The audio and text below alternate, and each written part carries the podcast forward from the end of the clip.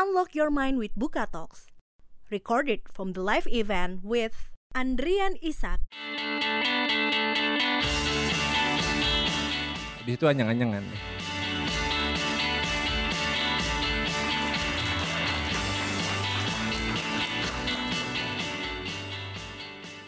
Let's join the talk. Ini liquid nitrogen. Jadi tadi sempat di-mention kalau restoran Namas Dining itu molekular gastronomi. Molekular gastronomi itu kayaknya uh, scientific banget, which is true gitu. Uh, apa sih artinya molekular gastronomi? Sebenarnya nitrogen itu udara yang kita hirup. Dia langsung kembali ke udara. dia nggak uh, nggak basah ya, cuman dingin aja nanti habis itu kering. Karena dia basically gas gitu. Oke, kembali lagi ke molekular gastronomi. Jadi ini teknik uh, memasak dengan liquid nitrogen. Akhirnya ada makanan-makanan yang kita mengharuskan gasnya pakai jas hujan. Karena apa? Karena makanannya itu meledak-meledak. Ya, jadi uh, it's for fun experience gitu. nah, molekular itu sendiri sebenarnya termsnya itu dipakai untuk scientist. Ya, jadi saintis itu waktu itu mau bikin kajian ilmiah apa yang terjadi pada saat proses masak secara kimianya, secara fisikanya. Nah, mereka melakukan itu for the sake of science. Jadi they do food for the sake of science. Sementara saya bukan saintis, ya. Uh, we do science for the sake of food. Jadi buat kita yang penting foodnya, bukan science-nya. Tapi kita menggunakan science. Untuk apa? Untuk ngedeliver uh, dining experience yang uh, kita juga nggak tahu bisa terjadi, ternyata bisa terjadi. Ternyata masak menggunakan nitrogen itu nggak akan bisa digantikan dengan apa pun itu gitu loh.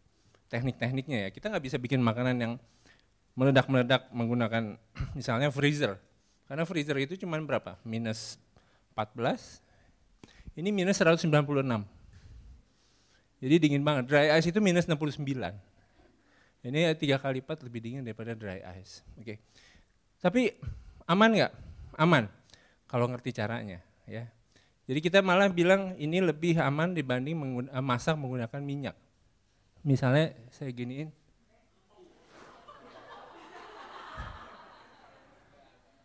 Nah, kalau dengan minyak udah kelojotan pasti, ya kan? Dengan minyak mendidih pasti udah kayak tahu marah-marah sama saya paling ya. So itu bedanya ya molekular uh, termsnya. Tapi uniknya saya tuh bukan saintis, ya. Saya juga bukan chef gitu, karena saya nggak ada culinary background. Background saya justru administrasi. Tapi kenapa saya bisa terjun di bidang ini? Karena saya senang seni. Jadi dari kecil memang saya senang uh, melukis, terus mematung juga, terus uh, musik. Saya bilang ini menarik karena saya orang seni. Jadi cara saya berpikir, cara saya bekerja di restoran juga seniman ya, bukan sebagai chef. ini pisang bakar. Ya. Jadi saya tahu secara sains uh, sumbu itu, uh, sorry, sumbunya bisa dimakan. Jadi kacang itu uh, oilnya 90% lebih. Jadi kalau oil itu kan bisa burn. And then saya pikirin properti untuk burning itu apa ya? And then lilin kan. Saya, saya bikin begini. Jadi ini cara makannya make wish itu baru tiup lilin. Di dalamnya udah ada keju, kacang, coklat ya. Di dalamnya ada semua ini. Yang ini pisang bakar ini apa? Ini opor ayam.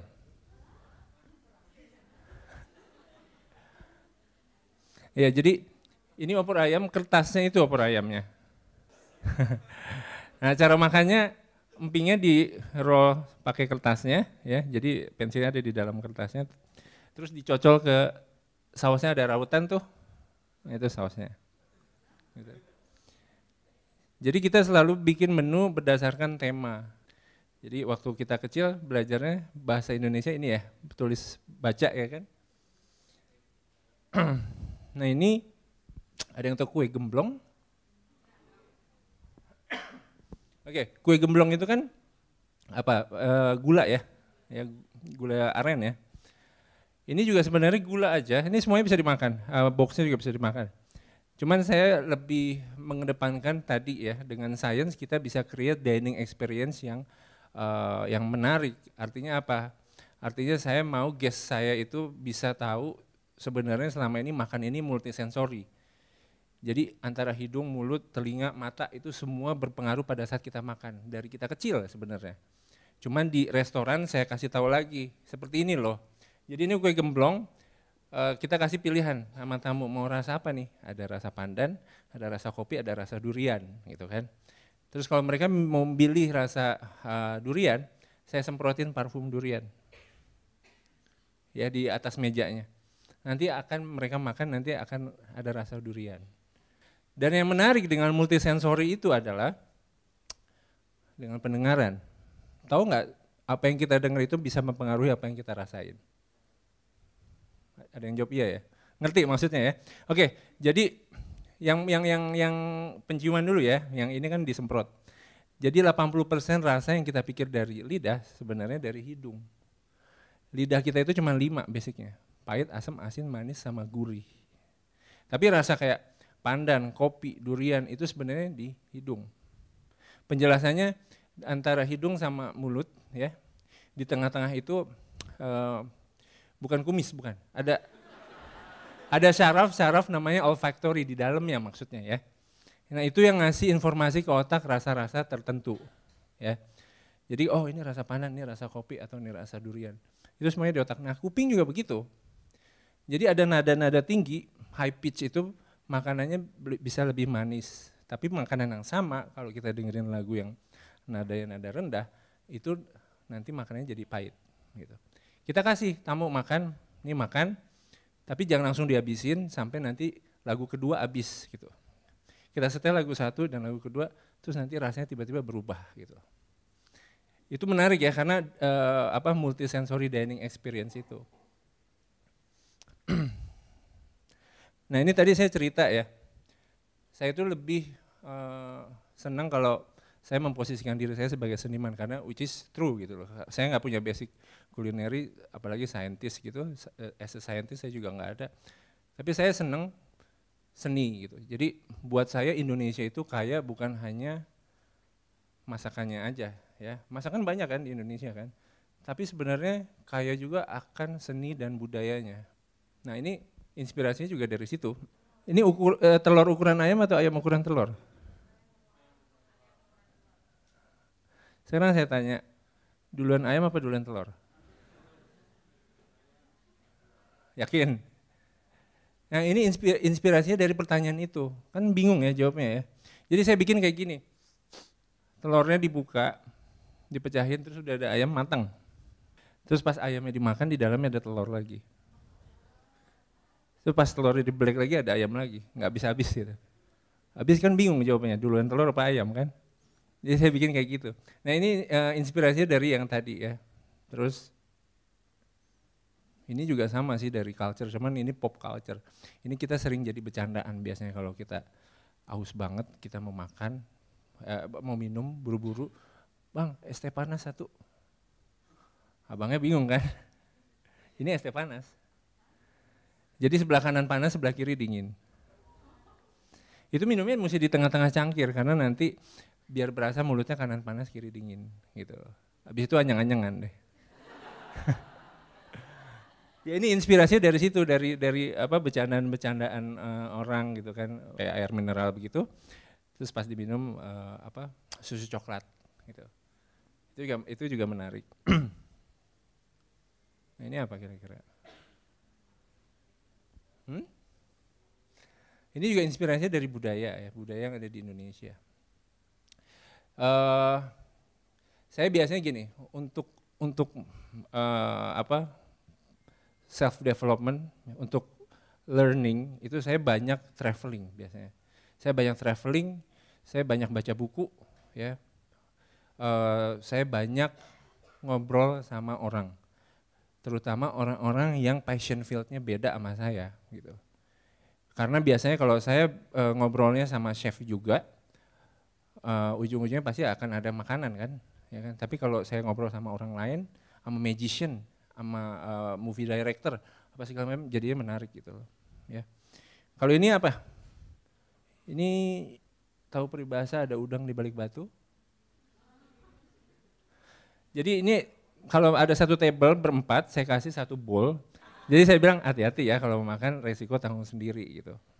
Karena kalau dipegang benar-benar kayak keras kayak batu, tapi pas dimakan salah satunya ada yang bisa dimakan. Jadi ini udang samberwa. Oke. Nah ini, ini ini kue celorot ya. Ada yang tahu kue celorot? Kue celorot yang kayak trompet itu, ya. Itu orang kalau makan gimana coba? Dibuka dari atas daunnya, ya kan? Habis itu daunnya lebar ke mana-mana kan, terus itunya jadi toyang, toyang, toyang, toyang gitu kan. Terus makannya jadi ribet. Sebenarnya makan kue celorot itu diputar bawahnya, diputar bawahnya terus baru kuenya nongol, cut gitu kan. Makanya saya pikiran ini lipstick nih sama nih kayak lipstick gitu kan. Ya saya bilang, oh yaudah, gue mau bikin lipstick rasanya kue celorot gitu. Bahkan di sini ada QR-nya. Jadi tamu nggak kita kasih tahu ini apa, tapi kita suruh scan gitu. Baru uh, baru tahu ini celorot gitu. Oh iya ternyata cara makanya diputar bawahnya kayak lipstick. Ini kasih cermin supaya bisa gincuan gitu. Itu emang bisa dipakai. Dan yang menarik dari penyampaian kita di Namas itu bisa macam-macam. Salah satunya ini dengan QR ya. Kita waktu itu ada ada apa campaign untuk uh, apa anti sirip ikan hiu. Jadi kita meminimalisir uh, konsumsi sirip ikan hiu, which is itu kan benar-benar uh, tidak ramah lingkungan ya. Kita waktu itu bikin menu benar-benar sirip ikan hiu pada saat Chinese New Year. Terus kita kasih QR, dan tamu pas uh, di scan, eh, dia udah senang dulu dikasih sirip ikan hiu kan, mereka taunya mahal kan. Tapi pas saya suruh scan pakai handphone mereka, ternyata isinya uh, pembantaian uh, ikan hiu seberapa sadisnya produksinya gitu loh. And mereka jadi uh, jadi tahu gitu. Kan kebanyakan dari mereka nggak tahu kan. Jadi kita sampaikan situ kebetulan saya juga uh, salah satu duta WWF. Jadi saya senang di Namas itu selain saya bisa sampaikan uh, budaya dan seni Indonesia, obviously makanan, saya juga bisa uh, menyampaikan uh, sesuatu yang baik gitu. Yang baik untuk kita semua gitu. Oke, okay, uh, ini sedikit aja filosofi. Jadi namas dining itu artinya doa, ya. Jadi buat saya, kalau kita makan itu apa sih kita hidup kan? Tapi harusnya makanan itu enggak cuma bikin kita hidup, tapi harusnya hidup kita jadi bahagia, jadi lebih baik gitu. Makanya saya bikin konsep namas dining itu kayak ya orang ya stres tapi seneng gitu kan dikasih suruh makan ini, suruh makan itu, suruh tutup kuping, makan tutup hidung gitu kan. And then mereka jadi mikir, jadi mereka jadi lebih appreciate gitu kan. Ada yang mau ambil air wudhu? Sholat? Oke ya, siap ya, ini terakhir ya. Oke, terima kasih, selamat malam. Buka aja, buka lapak.